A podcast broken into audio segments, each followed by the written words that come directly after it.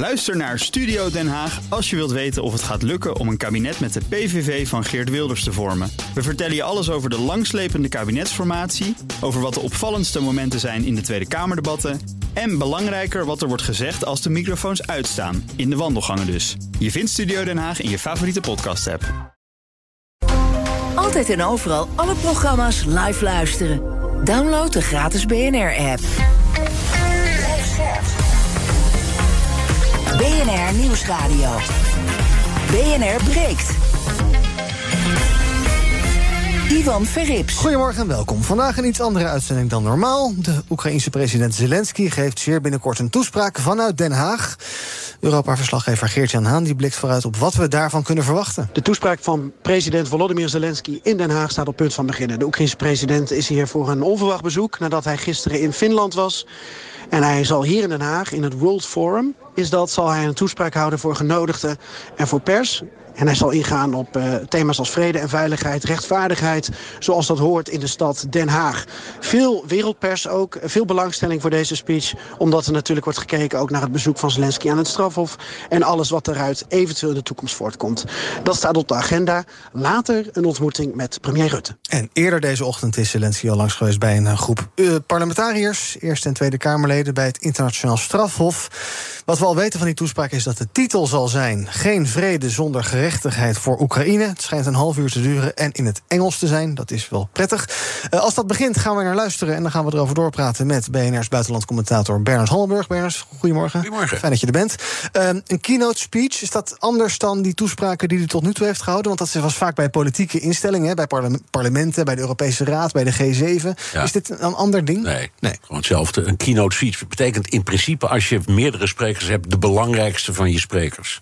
Maar goed, er is er nu maar één. Ja, tenzij, tenzij Rutte of, of Hoekstra of zo ook wat zeggen. Ja. Maar dat is alleen maar een mooi woord. Ja, oké. Okay. Nou, we gaan dat allemaal volgen en met jou dus nabespreken. Ook twee panelleden uiteraard vandaag. Anneke Metzger, lid van SER Topvrouwen... directeur Facility and Projects bij Landal Green Parks. Goedemorgen. Goedemorgen. Fijn dat je er bent. En communicatieadviseur Carline van Breugel. Goedemorgen. Welkom. We beginnen, totdat Zelensky BNR begint. breekt. Breekijzer. Met ons breekijzer. En dat breekijzer heeft ja, daar ook mee te maken. 4 mei is het vandaag, de dag van de nationale herdenking. Zelensky is dus vanochtend naar die bijeenkomst met die Kamerleden geweest. Daar waren ook enkele mensen niet bij. Bijvoorbeeld de Kamerleden Van der Plas en Wilders. Die wilden daar niet naartoe en hebben er problemen mee dat hij juist vandaag in Nederland is. Wat blijkt? Meer dan de helft van de Nederlanders vindt dat er meer aandacht is voor andere oorlogen dan de Tweede Wereldoorlog tijdens de herdenking. Blijkt uit het Nationaal Vrijheidsonderzoek. En daar gaan we over praten. De komende minuten dus, totdat Zelensky begint. Ons breekijzer is om acht uur, denk ik, ook aan de oorlog in Oekraïne. En ik ben heel benieuwd hoe jij daarover denkt. Is het ongepast, zoals die Kamerleden vinden, om uh, nu ook aandacht te vragen voor die oorlog? Of is het misschien wel juist mooi symbolisch om dat wel te doen? Ik ben heel benieuwd hoe jij erover denkt. Pak je telefoon en bel naar 0. 020 468 4 keer 0 Dus 020 468 4 keer 0 Nu bellen, dan spreek ik je zo in de uitzending. Zometeen hoor je hoe mijn panelleden, hoe Bernard erover denkt. Maar ik begin bij Ilse Ruimakers, historicus. Zij schreef haar proefschrift over de geschiedenis van 4 en 5 mei. Goedemorgen, Ilse. Goedemorgen. Om 8 uur denk ik ook aan, aan de oorlog in Oekraïne. Hoe zit dat voor jou? Nou, ik kan vertellen, het gebeurt al. Er zijn heel veel Nederlanders, daar hebben ook onderzoek naar gedaan, die al, en dat is al, al jaren aan de gang, op 4 mei op twee minuten stilte ook aan andere oorlogen denken. En voor mijzelf, ik heb twee dochters van 6 en 7, die wil ik vanavond meenemen naar de herdenking voor de eerste keer. En wij hebben een Oekraïns gezin in huis gehad vorig jaar. Dus voor hen is die oorlog heel tastbaar en ook daarmee verweven. Zij kennen die kindjes, ze hebben ermee gesproken. Het was voor hen als broer en zus. En ja, om hen uit te leggen wat we herdenken, wat we doen, dan ga ik in ieder geval ook Oekraïne noemen. Ja, ik zag in het Nationale Vrijheidsonderzoek van het Comité 4 en 5 mei, daar zei Wim van der Donk van ja, we moeten de Tweede Wereldoorlog nooit vergeten. Daar moeten we ook niet uh, uh, ja, minder aandacht voor gaan besteden. Maar er kan nog wel meer bij. Is dat ook jouw indruk? Dat ja, het is een discussie die al jaren gaande is. Hè? Wat herdenk je, wat, wat kan erbij, wat kan er ja, af misschien? Wat, wat ja. zakt ook een beetje weg in de collectieve geheugen? Zeker, nee, het klopt dat het al vanaf het begin, dus vanaf 1946, is er discussie wie we herdenken. En is dat in de loop der jaren ook behoorlijk veranderd en weer verbreed of weer versmalt, groepen erbij, groepen eraf. En ik denk de vrees natuurlijk is voor mensen die zeggen... je moet alleen de Tweede Wereldoorlog herdenken... is alsof er niets bij kan. Hè? Dat soort van zero sum. Op het moment dat je meer gaat, andere groepen gaat herdenken... betekent dat automatisch dat je minder aandacht hebt voor andere groepen. -hmm. En ik geloof daar niet zo in. Dat je, uh, dus juist, het gaat om het gevoel, om relevantie, inlevingsvermogen. Herdenken is niet alleen stilstaan bij de slachtoffers, maar ook die boodschap in het heden. Het belang voelen waarom je dat doet. En met name voor dat tweede deel van herdenken is het nodig om die link met het heden te leggen. Rondje mijn panel. En dan gaan we zo meteen ook uh, kijken hoe uh, Bernard naar deze discussie kijkt. Ons breekijzer om acht uur denk ik ook aan de oorlog in Oekraïne. Anneke, wat vind jij? Ja, ik vind uh, herdenken gaat om uh, stilstaan bij mensen. Mm -hmm. Bij het verlies van mensen die, uh, die diersbaar zijn of die ergens voor staan. En ik denk dat dat ook nu bij Oekraïne dat dat het geval is. Ja, en daar gaat dus vanavond ook jouw gedachten uit. En je vindt het niet zoals die Kamerleden ongepast dat dat nou net vandaag die aandacht in Den Haag daar ook naartoe moet gaan. Nee, ik denk dat het relevanter maakt. Het, is, het illustreert het dat het gewoon nog elke dag voorkomt. Ja. En dat willen we niet. En dat vrijheid ook geen gegeven is. Nee, dat vieren we morgen. Carlien, hoe zit het voor jou? Ja, ik, uh, ik ga zeker ook aan Oekraïne denken. En ik denk ook dat het heel erg belangrijk is. Omdat nu kijken we naar de Tweede Wereldoorlog vanuit echt een Nederlands perspectief. Um, dat is waardevol. Tegelijkertijd begon die oorlog ook een jaar eerder... Door, voordat hij bij ons was in Polen. Dus binnen een jaar uh, gingen we van Polen naar Nederland. Um, dus ja, als je, als je dan kijkt naar oorlog... dan is dat nooit natuurlijk een land op zich. Dus ik denk dat het goed is om dat breder te trekken. Ja, we zijn dus in afwachting van die toespraak van uh, Zelensky... zometeen in Den Haag. Als die begint, dan gaan we daar een stukje naar luisteren uiteraard. Dus mocht je in afwachting daarvan luisteren... radio aan laten staan, dat komt vanzelf voorbij. Waarschijnlijk ergens in de komende minuten. Bernard, die discussie die is eeuwen oud, hè? Wat herdenken we op 4 mei? Ja, het is interessant omdat uh, bijvoorbeeld het, het, Joodse gedeelte, de Holocaust, is er niet vanaf het begin bij geweest. Die is op een bepaald moment pas toegevoegd. Hè. Het ging eerst, geloof ik, over verzetsmensen en dat soort dingen. Wat ik het criterium vind in zo'n discussie is: het gaat altijd over Nederlanders. Of ze nu hebben geleden in Auschwitz of in een jappenkamp mm -hmm. of in het verzet of als slaaf uh, in uh, Duitsland. Uh, of in conflicten later, hè, want die worden ook herdacht. Vredesmissies, ja. noem het allemaal op. Dat hele pakket. Er wordt inderdaad voortdurend wat, bijge, wat toegevoegd, wat afgehaald. Maar het criterium is altijd geweest: het gaat over Nederlanders. Mm -hmm. Dit gaat niet over Nederlanders. Nee. Dit gaat over mensen met wie we sympathiseren. Dus je mag best aan ze denken, vanzelfsprekend. Maar ik vind niet dat het erover moet gaan. Dat, dat, dat lijkt mij niet correct tegenover al die anderen die we terecht, uh, voor wie we terecht zoveel aandacht hebben. Ja. Vind je het op een of andere manier ook ongepast dan dat vandaag Zelensky hier is? Behalve dat het ja, praktisch waarschijnlijk zo uitkomt. Maar snap, snap oh, jij iets van wat Van der Plas en Wilders... Ja, ja, ja, ja, ja, zeker snap ik dat. Ik had, was eerlijk gezegd, gisteravond laat was ik met Geert-Jan Haan bezig... om te, te, te, voor te bereiden wat we allemaal gingen doen voor, voor morgen vroeg. En toen zei ik dat ook. Ik, ik, had, ik kreeg een beetje een onprettig gevoel van. Dat, er, dat is ongetwijfeld toeval. Ja. Omdat hij nou toevallig net uit Helsinki kwam... en waarschijnlijk doorgaat naar Duitsland, weet ik wat wel. Zo, zo kwam het uit. Maar het, het, het, er was op een bepaald moment ook een gerucht dat hij misschien naar de Dam zou komen. of naast de koning zou zitten in de Nieuwe Kerk. En toen dacht ik, dat, dat lijkt mij onverstandig. Mm -hmm. Dat moet je niet doen. Je moet niet uh, het leed daar, waar al, dat al die mensen herdenken laten kapen door dit. Want we hebben ook nooit, we denken ook niet aan de half miljoen doden in Syrië. Mm -hmm. Ik noem maar eens wat. Ja. Of de slachtpartij die op dit moment in Soudaan plaatsvindt. Het zijn ook allemaal vreselijke dingen, ook slachtoffers. Ja. Maar is dus, het probleem niet ook hè, dat, je, dat je te maken hebt met een oorlog die nu woedt, waarvan we allemaal nog denken ja. dat die ver weg is, die ook sneller dichterbij zou kunnen absoluut, komen? Absoluut, helemaal mee eens. En er stond een paar weken geleden een doodeng verhaal op Reuters van een of andere deskundige. En dat ging ongeveer al dus. Als uh, Rusland de oorlog begint tegen Europa en Amerika doet, doet niet mee, ja, dan, hebben wij, dan hebben wij precies voor één dag munitie. Ja. En van dat soort dingen. Dus ja, nee, dit, dit, is heel bedreigend.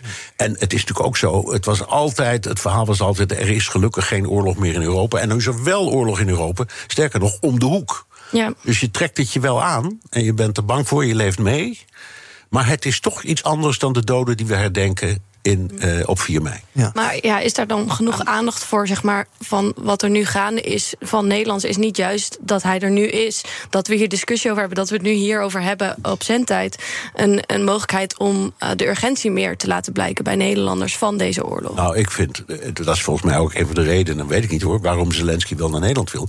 Dat de aandacht in Nederland is enorm. Ik, als je het vergelijkt met wat de Duitse media doen, de Franse media, dat hou ik allemaal een beetje bij. Hm.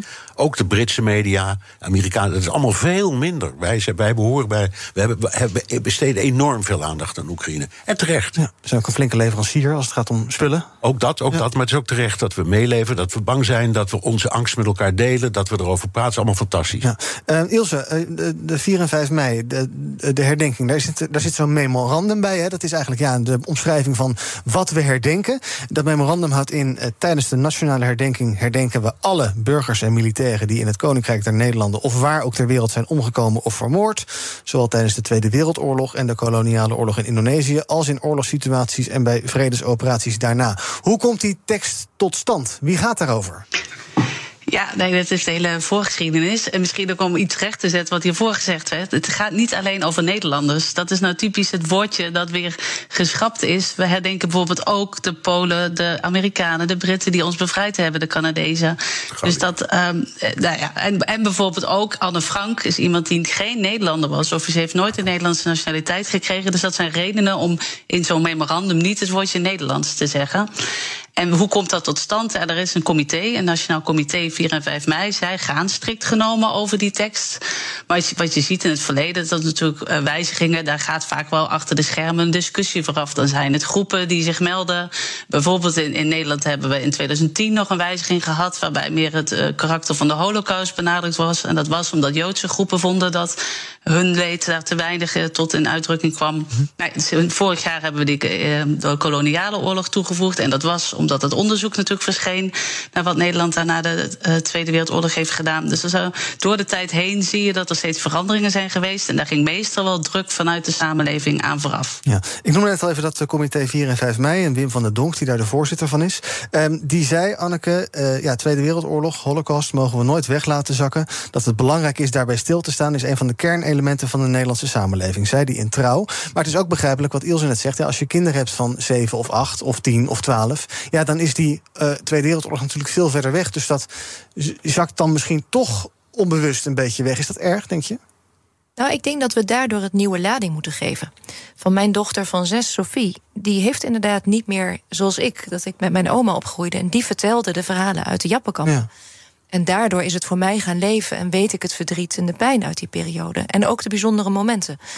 En om dat weer te illustreren, helpt het wel dat ze, eh, dat ze voorbeelden ervan hebben wat het betekent om in oorlog te zijn. Dus dit zijn illustraties voor mij uh, ja, om het toch te laten leven. Ja, dat is voor mij altijd een beetje een open deur. Maar ik, eh, mijn, mijn ouders waren beide enige overlevenden van de Holocaust. Met van enorme families. Dus ik ben helemaal opgegroeid in, ik zal maar zeggen, dit onderwerp. Ja. Um, en ik heb ook kleindochters. Uh, waarvan de oudste elf is. En uh, ja, hoe leg je dat nou uit? Of hoe steek je daar nou aan de gang? Dus ik heb op een bepaald moment haar meegenomen naar een heel beroemd schilderij in New York. Dat daar hangt, want daar wonen ze. Um, en, en haar geprobeerd iets uit te leggen over roofkunst en een bezetting. Want Amerikanen weten niet wat een bezetting is. -hmm. Ik dat hele ingewikkelde verhaal over al die doden en al die moorden... dat moet je een elfjarig meisje niet aandoen. Maar dat er uh, zoiets bestaat als een bezetter die je spullen pikt... dat is te volgen. Dus ja, we zoeken allemaal naar, naar manieren, ook educatief... Uh, uh, om, om de jongere generatie uh, dit bewust te maken. En daarin past alles. Daarin past de Holocaust net zo goed als uh, nou ja, al die andere uh, kwesties waar Nederlanders in, in zijn omgekomen of gevangen hebben gezeten of ondergedoken waren, of al die vreselijke verhalen. Uh, we zijn in afwachting dus van de toespraak die in Den Haag gaat beginnen. Ik zie nu uh, Wopke Hoekstra, de minister van Buitenlandse Zaken. Daar kunnen we even naar luisteren. Welkom in De Hague. Die verwelkomt nu Volodymyr Zelensky.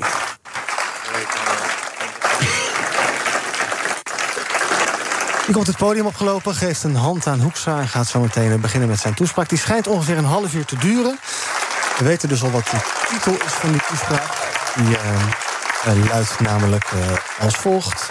Geen vrede zonder gerechtigheid voor Oekraïne. En niet dat hele half uur luisteren, maar wel een uh, begin. En daarna wil ik nog even naar onze luisteraars. Dus mensen die aan de telefoon hangen, blijf even hangen. Om acht uur denk ik ook aan de oorlog in Oekraïne. is ons breekijzer, daar gaan we zo over doorpraten. We gaan eerst dus luisteren naar Zelensky in Den Haag.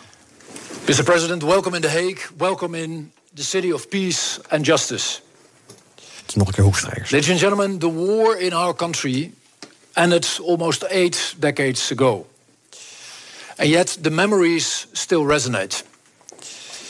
almost every family still tells stories of the war. Stories of loss, of fear, of hunger. But also stories of bravery and resistance. Of heroes who have fought for freedom and peace. And 78 years later, this war is still part of who we are. So every year on this day, we remember. Every year we think back of those who we lost. And tomorrow on Liberation Day, we remember that freedom must never be taken for granted. People have fought and died for it, and they fight and die for it still. And in Ukraine, as we all know, this freedom is under severe threat. Every day, every day, Russian missiles, tanks, drones, and soldiers attack it. And every day, brave Ukrainians step to protect it and protect what is theirs. And President Zelensky, every day since the illegal Russian invasion, you and your people have shown us what it means to fight for freedom. And we deeply admire you for doing that. And please know that the Netherlands will continue to stand with you. We have supported you and we will continue to support you. First of all, with weapons, because the harsh reality is that there is no substitute for success on the battlefield. But also with humanitarian aid, with harboring refugees, and with help in rebuilding your wonderful country, just as others have helped us rebuild ours. Ladies and gentlemen, illegal wars cannot go unpunished. There cannot be peace without justice. It is the only answer. It is the only answer Bernard, ik zie jou, to eh, aggression and war. verbaasd Nou, ik, ik vraag me af, wat is dan een legal war? Ja. ja. Nou, ja, beantwoord hem maar. Ja. Ja, ik heb geen idee, Nee, maar ik nee. vind het... Nou, laten we zo verder praten. Ik weet niet hoe lang deze introductie duurt. Ehm, eh, ondertussen kunnen we eventjes... eh, dus mocht Zelensky zo beginnen, gaan we daar direct heen. Intussen kunnen we naar enkele luisteraars die reageren op ons breekijzer. Om acht uur denk ik ook aan de oorlog in Oekraïne. Martijn, goedemorgen. Martijn? Daar denk ik zeker aan. Want ik ben nu in de 90 jaar en ik heb de oorlog 4045 meegemaakt. En ik vind dat we nu in deze tijd ook aan alle oorlogen moeten denken. Niet alleen in Sudan, maar ook aan de oorlog die naast de deur plaatsvindt. Ik ben het met Hammelburg niet eens dat hij zegt... er is nu in principe dit moment niet voor. Dat is absoluut niet waar. Ik woon hier vlak bij de grens. Ik heb het bombardement van Aken meegemaakt. Ik heb honderden bommenwerpers, vier motoren bommenwerpers... die terugkwamen waar een hele hoop bommenwerpers achtergebleven waren in Duitsland. Ik heb elke dag hebben we in de schuilkelder gezeten... Elke nacht en dag ging de sirene af. Ik heb als kind van 15 jaar de oorlog van de meegemaakt. En ik weet ook nu hoe de mensen zich voelen daar in Oekraïne. Hoe de mensen zich in principe ook in Rusland, die bekocht zijn. Die mensen zijn gewoon bekocht door een dictator. Een dictator tot en met. En die En wat jou betreft moeten we daar ook daar vandaag aan denken. Dankjewel voor het bellen, Martijn. Timo, goedemorgen. Ja, goedemorgen, Iwan met Timo. Nou, ik heb na aanleiding van jullie oproep er nog eens goed over na zitten denken. En ik denk toch dat ik niet aan de Oekraïnse slachtoffers denk, alhoewel ik wel me verplicht voel om het nieuws daarover te volgen.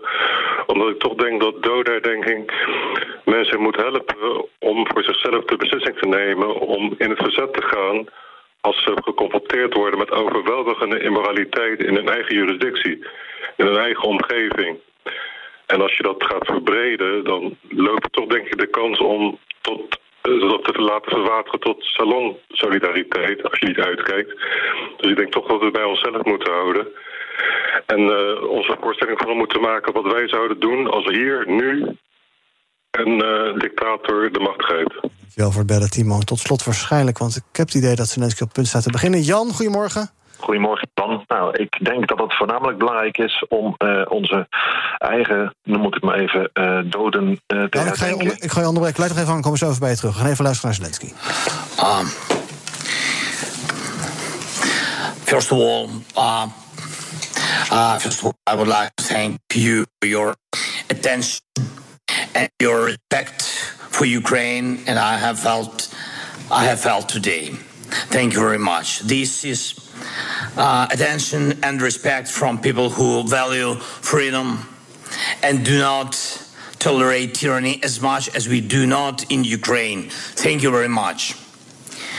Dear Minister Hoekstra, uh, dear members of parliament, dear ambassadors and journalists, dear representatives of international organizations, political and judicial communities, dear people, first of all, people, people of the Netherlands. And I'm glad to be in your strong country now. Now, the land of freedom and justice, which are universal values, and it is about these things that I will speak today. Of course, of course, we all want to see different Vladimir here in The Hague. The one who deserves to be sentenced for these criminal actions right here in the capital of the international law. And I'm sure we will see that happen when we win. And we will win. And when we win not just on the battlefield, not just against this aggression, look at how countries around the world are coming together to help Ukrainians defend themselves. What is at the heart of this desire to help? The feeling that more than the fate of one country is at stake. The feeling that more can be achieved than the defeat of one aggressor. We can now stop wars of aggression as such. We can defeat aggression as a criminal idea that originates in the mindset of someone who is used to impunity. Impunity is the key that opens the door to aggression. If you look at any war, any any war of aggression in the history, they all have one thing in common. The perpetrators of the war didn't believe they would have to stand to answer for what they did. They must stand to answer for war. However, brings war must receive judgment. Ladies and gentlemen, defeating impunity of aggressors means destroying the origins of aggression. Victory in the war is won by force of arms. That's how how that job gets done. And I'm grateful to you, to you and the Netherlands for every piece of weapon supplied to Ukraine, for everything that helps us to maintain our defense and gradually prepare our active actions. But we know that the lasting peace after victory is achieved by nothing else but the strength of values. First of all, it's the strength of freedom and of law, which must work to the full of ensure justice, not hybrid promises instead of human rights, real freedom, not hybrid impunity and symbolic formalities, but full scale justice. Not hybrid peace and constant flashes of violence on the front line, but reliable peace when one respects values. True freedom, true justice, true peace is respected instead of hybrid forms. But it's exactly what we need now. Please think about one number.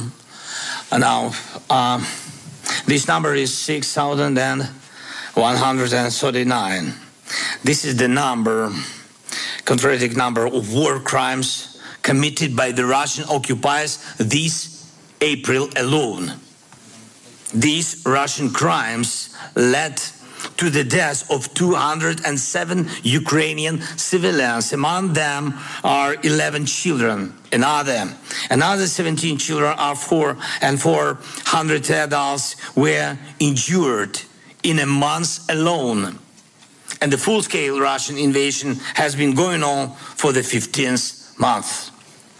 Just yesterday, yeah, it was yesterday, in our Kherson region alone, Russia killed 23 people. 49 were wounded.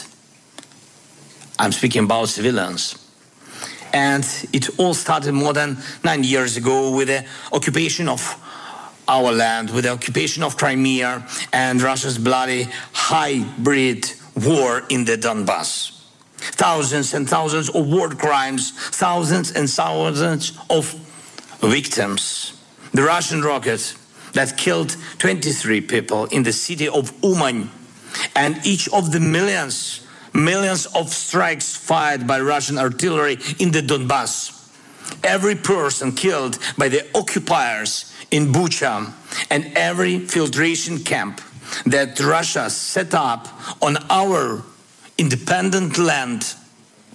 Every prisoner who was tortured in the Russian captivity and every city deliberately burned by Russia and all the pain suffered by the by the Dutch people after the downing of MH17 flight with the use of the Russian weapons by the Russian hands. Exactly, by the Russian hands. And please observe um, uh, a minute of silence in the memory of all the, those whose lives were taken by Russia by its terror. Please. Volodymyr Zelensky dus. Die vraagt om stilte. Ja. Ja, dat is op de radio een beetje lastig. We kunnen hier moeilijk uh, heel lang een minuut stil gaan zijn. Als die dat, daar vraagt hij dus om.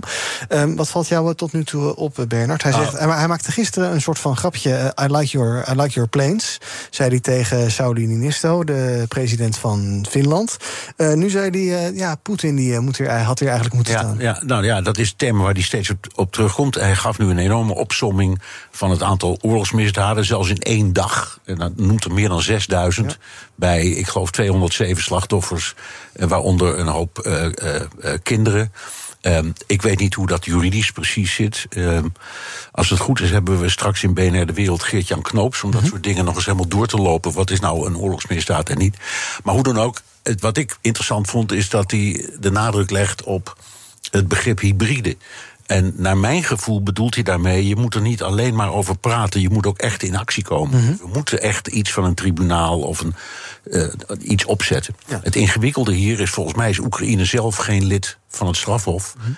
en dient een klacht in tegen iemand die een land vertegenwoordigt... dat ook geen lid is nee. van het strafhof. Dus het lijkt mij nog een heel puzzeltje. Ja, nou ja, hij was vanochtend bij het ICC. We weten niet zo goed, niet zo heel lang, een half uurtje geloof ik. We weten niet zo goed wat hij daar besproken heeft. Maar wat, wat, ja, wat kan je je voorstellen? Ja, toch. Ja, wat kan hij daar?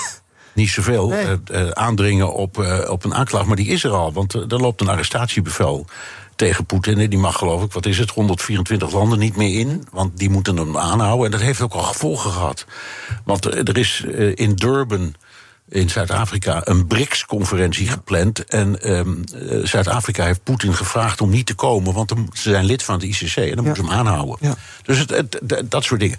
Um, dus ik vind het, het, het, introduceren van het begrip hybride best aardig, omdat wat hij zegt is: er moet concreet worden gehandeld. Mm -hmm. Hoe dat moet, weet ik niet. Nee. Maar op zichzelf is het goed dat hij dat zo benoemt. Ilse, tot slot. Uh, uh, uh, ja, wat denk jij in de, in de toekomst? Hoe gaan we nadenken over die 4 mei-herdenking?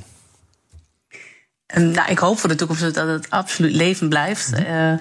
Niet omdat ik hoop dat er oorlog blijft natuurlijk, maar dat we gewoon herinneren wat er, uh, waar we vandaan komen en hoe belangrijk het is om alle namen te blijven noemen. Dat viel mij ook op bij Zelensky, dat dit heel concreet maakt. Mm. Kinderen, mensen, manschap, dat dat gewoon blijven benoemen. En maar ik hoop ook vooral dat er zoveel mogelijk uh, Nederlanders zich aangesproken voelen en vanavond naar nadenking gaan en na twee minuten stil zijn. En wat misschien, uh, laatste, wat, waarom hebben we twee minuten stilte? Waarom komt dat vandaan? Nou, dat komt, dat hebben we gekopieerd van Engeland. Maar waarom heeft Engeland die? Ja. Dat is dat die eerste minuut is voor de slachtoffers en de tweede minuut was oorspronkelijk voor degenen die teruggekomen zijn van de oorlog. Met alle leed, met alle herinneringen en om daarbij stil te staan. En ik denk dat is iets moois om, om mee te nemen. Of misschien vanavond ook bij die twee minuten. Die tweede minuut denken aan iedereen in Nederland die nog met familieherinneringen, trauma's rondloopt. En heb daar ook aandacht voor. Ilse Ruimakers, historicus, dankjewel. Je schreef je proefschrift over de geschiedenis van 4 en 5 mei. En ik had het beloofd en die belofte moet ik even nakomen. Jan, ik kom toch nog even bij je terug, want ik kapte je hart af.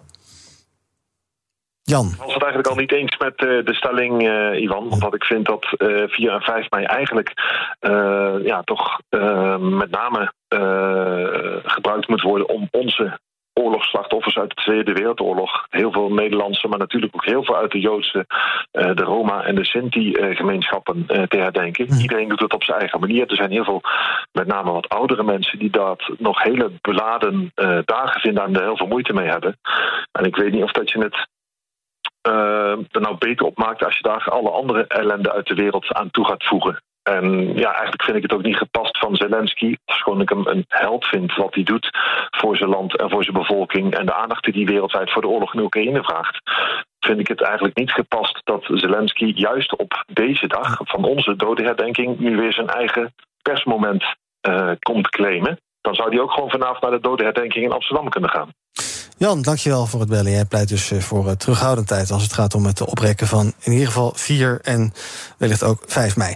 Um, Bernard, dankjewel. De toespraak van Zelensky die gaat nog door. Onze Europa-verslaggever Geert-Jan Haan die is daarbij in Den Haag. Mocht daar nou heel erg uh, breaking news uitkomen, dan hoor je dat direct. Anders hoor je dat uiteraard later hier op BNR. Bernard, dankjewel. Zometeen ga ik verder praten met mijn twee panelleden over al het andere nieuws van de dag. En uh, dan gaan we ook nou, wellicht nog even hierover doorpraten. Dankjewel, Bernard. En zometeen door met het tweede deel van BNR Bij BNR ben je altijd als eerste op de hoogte van het laatste nieuws. Luister dagelijks live via internet. Bas van Werven. En heel langzaam komt de zon op rond dit tijdstip. Je krijgt inzicht in de dag die komt op BNR, het Binnenhof in Nederland en de rest van de wereld. De Ochtendspits. Voor de beste start van je werkdag. Blijf scherp en mis niets. Blijf scherp. BNR Nieuwsradio. BNR breekt. Ivan Verrips. Welkom terug in mijn panel vandaag. Communicatieadviseur Carline van Breugel en Anneke Metzger, lid van SER Topvrouwen. En ze is directeur Facility and Projects bij Landal Green Parks. En wij gaan praten over het uh, nieuws van de dag. Zelensky is inmiddels uh, klaar met spreken, zoals je net hoorde. Uh, heeft iedereen bedankt, kreeg een staande ovatie. En heeft ook vandaag allerlei andere afspraken nog. Althans, naar ik aanneem. Het is een bezoek van één dag, dus later vandaag zal hij nog van alles nog wat doen. Dus uiteraard te volgen via BNR. onze verslaggever Mats Akkerman die volgt hem. Die, uh, ja, ik zou bijna zeggen, reist achter hem aan. Dus dat gaan we later vandaag zeker in het Daily Move uitgebreid horen. Maar natuurlijk ook in de bulletins. En als je niks wil missen, dan kan je ook ons live blog volgen. En dat vind je op www.bnr.nl. Wij gaan praten over al het andere nieuws van de dag. Te beginnen bij plastic. Supermarkten moeten namelijk hun gebruik van plastic flink gaan minderen. Heeft een groep van 185 grote institutionele beleggers en pensioenfondsen opgeroepen aan die supermarkten dus. En ook de producenten van levensmiddelen. Uh, het gaat dus om bedrijven als eh, Coca-Cola, Ahold Delhaize, Tesco, Unilever, Nestlé, Carrefour, Heineken enzovoorts enzovoorts. En ja, eh, dan denk ik toch een beetje Anneke plastic. Dat ik hoor al jaren dat we minder plastic moeten gaan gebruiken. Wie gebruikt er nou nog onnodig plastic? Is er, zie jij veel onnodig plastic om je heen? Ik denk dat je dat in je eigen brullenbak ziet. Ja, dat is wel waar, ja. ja. Als je aan plastic scheiden doet, wat bij mij helaas niet kan thuis, maar oké... Okay, ja. dan uh, zie je inderdaad zakken vol gaan uh, elke dag naar buiten. Ja. Bij ons om de week is de container voor plastic... en elke keer is die weer vol. En het is echt niet dat ik daar niet op let. Nee. Maar toch, als je ziet wat je van je supermarkt meeneemt, dan is dat echt, uh, dat zijn grote hoeveelheden. En ook de manier waarop het opgemaakt wordt. Mij viel een ander artikel op de, uh, vandaag over Pringles, dat de metalen bodem uit de Pringlebus gaat verdwijnen. Okay. Dat die volledig papier wordt en daarmee kan die dus volledig bij het papieren afval. Ik denk dat dat echt grote stappen zijn. En wat je ziet is dat helaas bedrijven nu ook eigenlijk over de as van financiën en risico's, risico's van rechtszaken of dat hun, uh, hun merkwaarde daalt, ja. dat ze over die as nu in beweging komen. Dus je hoopt natuurlijk zo graag dat ze gewoon intrinsiek gemotiveerd zijn om ja. te veranderen. Alleen dat is toch nog een droom. En dit helpt daar wel weer ja, bij. Het is eigenlijk een beetje een second best. Als je het niet uit, uit intrinsieke motivatie doet, nou ja, dan maar uit financiële. Het resultaat zou hetzelfde zijn. Ja, en dit helpt dus. Letten jullie er bij landen ook extra op? Dat ja, je niet, zeker.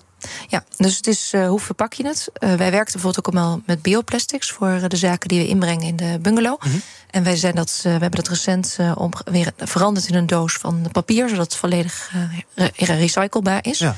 Wij staan er echt heel erg bij, bij stil, wat, alles wat we inbrengen. Ja. Sommige dingen, Carline, die, ja, ik zou maar zeggen, moeten wel in plastic. Dat houdt bijvoorbeeld spullen langer vers. Uh, dus het is ook niet zo dat we kunnen zeggen... boel, plastic, heel erg altijd slecht. Nooit moet helemaal de wereld uit. Maar het kan misschien wel een stuk minder. Ja, ik denk dat dat ook snel het argument is. Hè, dat we dan dat voorbeeld pakken van dat kan niet, dus plastic ja. moet. Uh, die ene komkommer, veel... omdat die dan langer vers ja. blijft. Ja. Die heb ik echt zo vaak voorbij zien komen. En die krijg ik ook altijd, als ik het over vlees heb, eten heb... richting mensen zeggen ze, ja, je eet ook avocado. Weet je wel, dat is een beetje die discussie. Van alsof je dan ook bijdraagt aan iets anders slechts. Dus we hoeven er niks aan te doen. En wat ik mooi vind om te zien is dat juist banken en pensioenfondsen nu de oproep uh, vaak krijgen van hè, je moet anders investeren, anders komen we niet bij je of dan wisselen we. En dat dat op deze manier doorwerkt, uh, ja, dat vind ik echt heel mooi. En dat, dat uh, roept ook af uh, consumenten op om hier actief, actief op te blijven sturen, denk ja, ik. Ja, en kan je daar al, kan je daar echt als consument, ja, als je dat met z'n allen doet, natuurlijk wel. Ik was laatst op de markt in Amsterdam Noord, waar een mevrouw bij de marktkraam stond en die wilde graag bananen. Nou, de verkoper had uiteraard van bananen, die zaten alleen in plastic. Toen vroeg de dame die dat wilde kopen: heb je ook bananen zonder plastic? En toen rukte die plastic er vanaf en zei: Kijk, hier hebben we bananen zonder plastic. Dus ja, je moet er. Wat zei je? Heel pragmatisch. Ja, ja. exact. Je wil inderdaad ook wel een grappig fenomeen op zich. Maar ja. Ja, wat, er, wat ik hier aan het voorbeeld ook mooi vind, is dat nu kom je zeg maar bij die ene marktkoopman op de marktkoopvrouw. Uh, en, en wat je wil, is dus dat je echt vanuit de massa gaat sturen. Dus als uh, niet beleggen of geen geld uitlenen aan bedrijven die niet meewerken. En dat is, dat is de impact die je wil maken. Dus niet die ene persoon die geen plastic om bananen wil, wat overigens wel heel goed is. Maar oproepen van de grote benden, zoals organisaties als uh, Extinction Rebellion bijvoorbeeld, heel actief uh, doen. Ja. En die imagoschade is het voor hen waard om nu toch meer stappen te zetten. Ja, ja moet, fantastisch. Moet vol in de keten zitten. Ja. ja. Hou je er zelf rekening mee? Ik hou er zeker rekening mee, ja. En ik stel me daar ook wel activistisch in op, denk ik. Ja, je kan er natuurlijk heel, ver, je kan er heel ver in gaan. Je, kan ook, je hebt, je hebt initiatieven waarbij je eigen potten meeneemt naar winkels... om daar dingen vol te scheppen en dergelijke. Dus ja. hoe, hoe weeg je... Je moet, ja, het moet natuurlijk wel praktisch blijven. Je kan niet uh, ja. yoghurt meenemen zonder verpakking eromheen. Nee, maar dit is dus precies weer een voorbeeld ja? van inderdaad dat je er heel ver op die schaal gaat. Maar bijvoorbeeld in de keuze voor een bank, dat ik bij ASN zit, ja. of in de keuze voor als je je pensioenfonds zelf kan kiezen. Dat zijn wel de grote zaken waar je echt op kunt sturen als consument. Ook Bas van Werven vind je in de BNR-app. Ja, je kunt live naar mij en Iwan luisteren tijdens de ochtendspits. Je krijgt een melding van Breaking News. En niet alleen onze podcast Ochtendnieuws, maar alle BNR-podcasts vind je in de app. Download nu de gratis BNR-app en blijf scherp. BNR breekt. Is het typisch dat dan de vrouw afscheid moet nemen? Het is een van de twee, dat is of de man of de vrouw. Ja, het is natuurlijk individuele casus. Maar ja. ik, ik vind wel dat je vaak ziet dat, dat vrouwen uh, toch sneller uh, weg moeten of ruimte moeten maken voor mannen. Ja. Ah, Oké, okay. we gaan kijken naar wat jullie uh, zelf is opgevallen in het nieuws vandaag. En om maar even bij het 4 mei-thema te blijven, Carline. Jij wil het hebben over Lena van Rijnbach. Ja, dat klopt. Die naam zegt mij niet zoveel, maar ze zat in het Nederlands verzet tijdens de Tweede Wereldoorlog. Trouw schrijft er bijvoorbeeld over. En zij mag, vind jij, wat extra aandacht verdienen. Waarom? Wie is het? Ja, nou wat je eigenlijk ziet in uh, geschiedenisboeken is dat de verzetshelden die geëerd worden vaak de uh, meer gewelddadige uh, verzetstaden zijn. En dat zijn vaak de mannen. En wat mist in die boeken zijn meer de, de ondersteunende zaken of de zorgtaken. En dat ligt vaak bij vrouwelijke verzetshelden. En wat nu de trend is eindelijk, denk ik, is dat er aandacht komt voor die vrouwen. En een van die vrouwen is Lena van Rijnbach.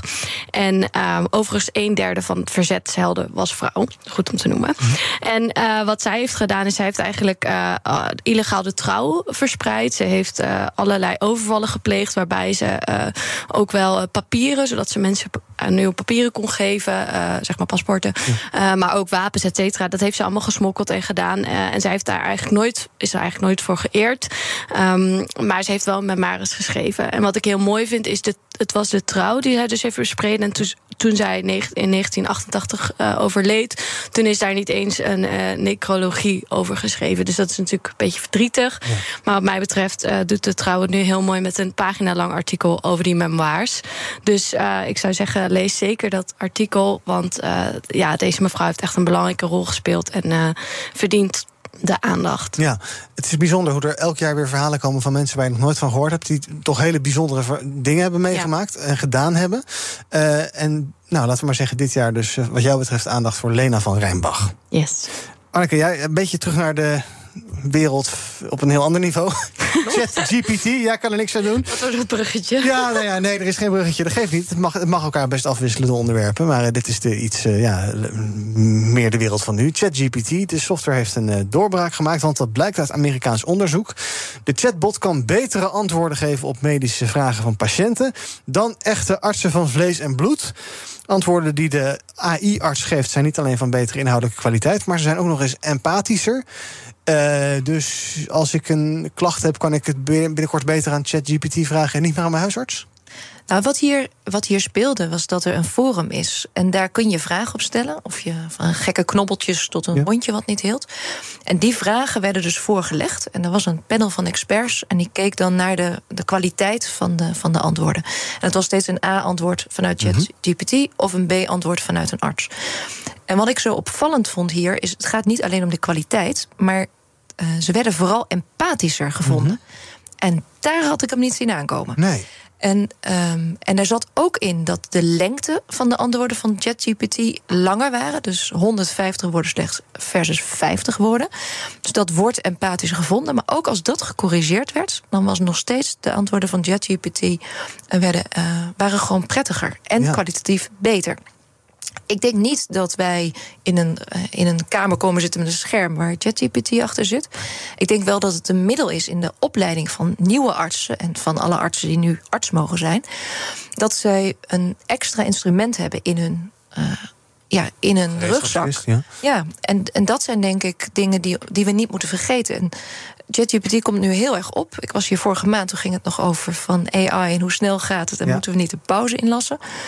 Eh, dat zijn natuurlijk hele moeilijke zaken. Maar tegelijkertijd moeten we nu zelf denken, ook ik in mijn werk, hoe ga ik hiermee om? En hoe kan mij en mijn team en, en de mensen bij ons, hoe kunnen we dit ja, eh, gebruiken om toch ons werk beter te doen? Ja. Want je kunt kwalitatief goede, eh, goede resultaten bereiken. Ja, en de, eh, het idee was natuurlijk altijd... ja, dit soort robots kunnen ons misschien gaan helpen bij repetitieve taken. Een beetje saaie boekhouddingen wellicht... dat je dat kan uitbesteden aan dit soort software. Maar voor de creatieve dingen en voor de menselijke dingen... ja, daar zijn wij mensen voor. Maar eigenlijk blijkt dus zo'n robot daar ook in dit geval best wel goed in te zijn. Ja, Nou, dat is dus waar. dat is wel een beetje eng eigenlijk.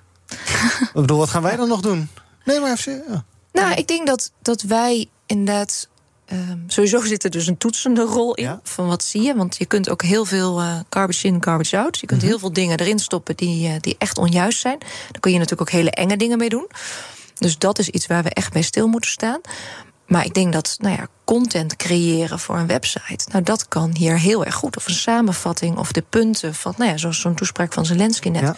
Wat zijn dan de hoofdpunten? Haal hem doorheen. En je krijgt heel feitelijk krijg je de, de uitkomst. En dat kunnen we gebruiken. Maar daar kunnen we ook productiever mee worden. En wat je aangeeft hè, van nemen ze ons werk over. Nou, misschien wel, maar dat betekent niet per se dat dat slecht hoeft te zijn. Kijk, als we dan als arbeiders misschien minder uur hoeven te werken, eh, maar wel ons bestaan kunnen behouden, dan is het positief. Ja, als we doorgaan in een soort efficiëntiemaatschappij waarbij we nog efficiënter worden, wat natuurlijk de afgelopen twintig jaar heel erg is gebeurd, dan wordt het denk ik zorgwekkender. Ja, aan de andere kant, je hoort ook berichten, automatisering, dat valt eigenlijk best wel een beetje tegen hoe dat, eh, hoe dat de afgelopen jaren ontwikkeld is. Dus er zijn toch ook wel oproepen waar. Maar bijvoorbeeld, hè, als je eh, eh, bijvoorbeeld uit onderwijs, als je een scriptie schrijft, daar stond een bepaald aantal uur voor. Maar dan moest je naar de biep en dan moest je die boeken vinden, bla bla bla. En nu kan je best wel snel bij Aldi. En dat wordt gewoon meegekeken. Dus er wordt gewoon een andere verwachting gesteld aan. Ja. Dat vind ik zo'n voorbeeld van. Dat er meer wordt verwacht van het mensen. Je moet eh, 300 bronnen hebben of zo. Ja, dat kon gewoon niet in een biep. Nee. Nou en eh, dat daar een soort efficiëntieslag is eh, gemaakt, die ook wel intensief kan worden ervaren. Toch zou ik het wel fijn vinden als er altijd een gewone arts bij blijft. Ook al kan een arts ook fouten maken. Sterker nog, misschien kan een arts op termijn wel meer fouten maken dan een briljant ingevoerd AI-model. Maar ik weet niet, ik vind het toch een menselijker idee dat er ook iemand tegenover je zit van vlees en bloed. Nou, dat, kan ik me heel goed voorstellen. Maar ik denk dat we hiernaast als Nederlandse samenleving nog een andere uitdaging hebben. En dat, dat we met een vergrijzende samenleving en minder kinderen, dat we gewoon een teruggang hebben in het aantal arbeids, eh, eh, ja, zeg maar het arbeidspotentieel en het aantal mensen wat deelnemen aan de arbeidsmarkt. Dus we zullen moeten kiezen met elkaar waar wij onze mensen op inzetten. En wat wij op een zeker op een kwalitatief hoogwaardige manier anders kunnen doen. Um, ja, dat, dat, dat alle middelen helpen. Ja. Laten we nog even praten over uh, cijfers van het CBS van vannacht. Want wat bleek, een kwart van de Nederlandse economische groei ging vorig jaar naar het buitenland. Peter van Mullig is hoofdeconoom bij het CBS en legt uit waar dat geld dan naartoe gaat. Het heeft alles te maken met uh, winstuitkeringen van de Nederlandse bedrijven. Die, uh, ja, een groot deel daarvan is naar ja, buitenlandse aandeelhouders gegaan. Zoveel dat het zelfs 2,5% van die totale groei uitmaakt. Ja, een kwart dus uiteindelijk gaat naar het buitenland. Dat is geld dat hier wordt verdiend. Anneke, wat vind jij? Zouden we ook meer moeten proberen om dat geld hier te houden? Of is dat een beetje een soort protectionistisch idee waar je niet zoveel mee kan? Nee, ik denk dat daar dit jaar, uh, dit jaar is er meer geld naar. Of tenminste, de afgelopen jaren is er meer geld gegaan naar het buitenland. Het jaar daarvoor was het andersom. Bleef er meer geld in Nederland. En wat de knop is waaraan gedraaid is, is gas, is energie. Mhm. Doordat wij meer energie in het buitenland inkopen, gaat er meer geld van ons naar het buitenland. En ik denk dat dat nog weer een extra push is op verduurzamen. Want op het moment dat wij minder energie verbruiken en dus verduurzamen, gaat er minder geld naar het buitenland. Mhm. En ik denk dat dat een knop is die iedereen in de samenleving uh, kan doen. Ja, grote speler hierin is ook Shell. Sinds het bedrijf het hoofdkantoor naar het VK heeft verhuisd, gaan dus grote delen van de winst van Nederlandse dochterbedrijven naar het VK. Ja, dat is dan eigenlijk een beetje een soort um, administratieve verandering. Al, alhoewel, ja, Shell betaalt er dan hier natuurlijk geen belastingen meer over. Maar, ja. ja ik ben op ja. überhaupt geen fan van Shell. Dat mag je wel weten. Mhm. Ik bedoel, ja, en, en daar komt dan ook het argument van die duurzame transitie, denk ik, mooi op uit. Van we moeten gewoon om. En hoe langer we in deze oude industrie blijven hangen, hoe meer we daarop verliezen. Ik vind overigens nog wel een verschil of er uh, winst naar Europa, binnen mm Europa blijft, of echt uh, buiten Europa uh, terechtkomt. Omdat je denk ik toch ook je meer zult moeten gaan verenigen. Ja, maar uh, ja, eigenlijk een, een, een, leuk. Ik had niet verwacht dat dit een uh, uh, betoog voor verduurzaming zou worden. Maar daarmee hou je dus ook geld binnen je eigen land uiteindelijk. Ja, ik denk dat we daar goed voorlopers van kunnen worden. Ja. ja. We gaan even kijken wat er training is op de socials. Nou, 4 mei zien we terug, uiteraard. Het gaat over de herdenking van vanavond. Hadden het er eh, vorige half uur al vrij uitgebreid over. Bij het maken van examens op school is het natuurlijk überhaupt de bedoeling dat iedereen stil is. Nou heeft de Haagse Hogeschool een planningsfoutje gemaakt. Want leerlingen moesten daar een examen doen tijdens de dodenherdenking vanavond om 8 uur. Inmiddels heeft een woordvoerder gezegd... ja, excuus, een toets maken en herdenken, dat gaat niet samen... en het tentamen is last minute toch verplaatst naar een andere datum. Beetje ongemakkelijk. Het was wel een indrukwekkend moment... ook als bijvoorbeeld al die treinen en luchthavens en dergelijke... stilstaan in ons land op 4 eh, mei om 8 uur. Ook trending, hashtag WhatsApp. De chatfunctie testen, uh, chatdienst test een nieuwe functie... die het makkelijker moet maken om gesprekken naar een nieuwe smartphone over te zetten. Een klein groepje gebruikers zou nu toegang hebben tot de functie. Het is een beetje onduidelijk wanneer het voor iedereen beschikbaar is... maar nou, het zou dus moeten voorkomen dat als je naar een nieuwe telefoon gaat... dat dat één groot gedoe is met exporteren en importeren... en cloud en gedoe en gezeik. En dat het gewoon vrij makkelijk is. Tot slot nog even praten over het volgende. Bedrijven doen niet moeilijk over het geven van extra geld... in de strijd voor personeel. Met de huidige arbeidskrapte moeten financiële prikkels werknemers lokken... en ervoor zorgen dat mensen niet vertrekken. En dus worden er van alles en nog wat geprobeerd met aanbrengbonussen, aanblijfbonussen. Uh, wat je ook maar kan om mensen te houden, schrijft het Algemeen Dagblad vandaag op basis van de AWVN, de werkgeversvereniging. Nou, dat klinkt, uh, Carlina, als een ultiem breekijzer naar je baas. Die dreigt gewoon dat je weggaat en dan krijg je er zo geld bij. Ideaal. Ja, maar is het, is het, uh, gaat het echt om geld, hè? kan je afvragen. Als je van baan wisselt, ga je dan puur voor een salaris weg? Of zijn er andere voorwaarden? Ik geloof zelf heel erg in het tweede. Dat je misschien, weet ik veel, ruimte wil om meer uh, tijd maatschappelijk te besteden of vakantiedagen. Dus het zou denk ik wel mooi zijn als daar het gesprek meer over gevoerd ja. kan worden. Hoe zie jij dat, Anneke? Ik denk dat dat waar is. Ja. En ik denk dat je als je je loonstrookje krijgt en je krijgt een euro meer, dan zul je die op een gegeven moment weer vergeten zijn. En ik denk dat als jij de kans krijgt om een mooie opleiding te doen, of nou, ik heb een mooi voorbeeld op school, daar, daar wilde de gymleraar heel graag skileraar zijn in de, in de winter. Ja. Dat hebben ze mogelijk gemaakt. Hij heeft twee maanden skileraar uh, gespeeld, of gespeeld, gedaan in, uh, in Oostenrijk. Ja, ik denk dat dat het verschil maakt. Ja. ja. Dus... Misschien nog wel goed om te noemen van, kijk, er zijn natuurlijk echt mensen die, die in de moeilijkheden zitten door de hoge energielast mm -hmm. en zo. Hè? Dan, dan is het een ander verhaal. Ja. Dus waar ik het over heb, is misschien mijn luxe probleem. Maar ik denk dat dat medewerkers wel beter aan boord Ja, maar arbeidsmarkttoeslagen, hogere reiskostenvergoedingen, verhuis, uh, verhuiskostenregelingen en dergelijke, entreebonussen, al dat soort zaken. Uh, denk je toch min, ja, als werkgever misschien ook minder interessant, maar werkt het ook minder goed, denk je? Ik denk dat het daarnaast heel makkelijk is. Je kunt het heel makkelijk Nee, nee, het is niet makkelijk om in te voeren. Maar het is heel gevaarlijk om in te voeren. Omdat je onderling ga jij het uitleggen dat jij 10% meer betaalt dan een nieuw teamlid. Vergeleken met je andere teamleden. Ik denk dat dat sociaal aspect daarin zeker meespeelt. Maar is het niet ook een soort omslag, hè, waarbij niet de eh, werkgever, maar de werknemer het even voor het kiezen heeft? Ik vind dat op zich wel een gezonde verhouding. Mhm. eh, dat je de werknemer uh, voorop stelt en niet de winst. Nou ja, als je bijvoorbeeld naar Amerika kijkt, waar dit nu ook speelt. We hebben natuurlijk de hele grote uh, move gehad van iedereen die na COVID ging verhuizen met, uh, of een andere baan zocht. Mm -hmm. En daar is natuurlijk steeds meer een minimumloon aan het inkomen. Daar zitten natuurlijk hele schrijnende voorbeelden van wat er uh, betaald wordt. Ja. Dan vind ik het een hele gezonde beweging. Ja, en jij kijkt dus liever naar ja, niet-materiële zaken. Iets een, een, mooie ervaring, mooie opleiding. Wat ja. je langer met je meeneemt dan dat je er een paar honderd euro bij krijgt. Want ja, dat geef je uit en dan is het ook weer weg. Dank voor jullie aanwezigheid vandaag bij BNR Breekt. Carline van Breugel en Anneke Metzer. Morgen dan is er een uh, politieke editie van BNR Breekt uiteraard. Tot die tijd volg je ons via de socials. Zoek maar, zoek maar even op YouTube, Instagram, Twitter, LinkedIn, TikTok. We zijn bijna overal te vinden. En zometeen is hier als gebruikelijk elke dag om 12 uur Thomas van Zel met Zaken doen. Bij BNR ben je altijd als eerste op de hoogte van het laatste nieuws. Luister dagelijks live via internet. Bas van Werven. En heel langzaam komt de zon op rond dit tijdstip. Je krijgt inzicht in de dag die komt op BNR, het Binnenhof in Nederland en de rest van de wereld. De Ochtendspits. Voor de beste start van je werkdag. Blijf scherp en mis niets.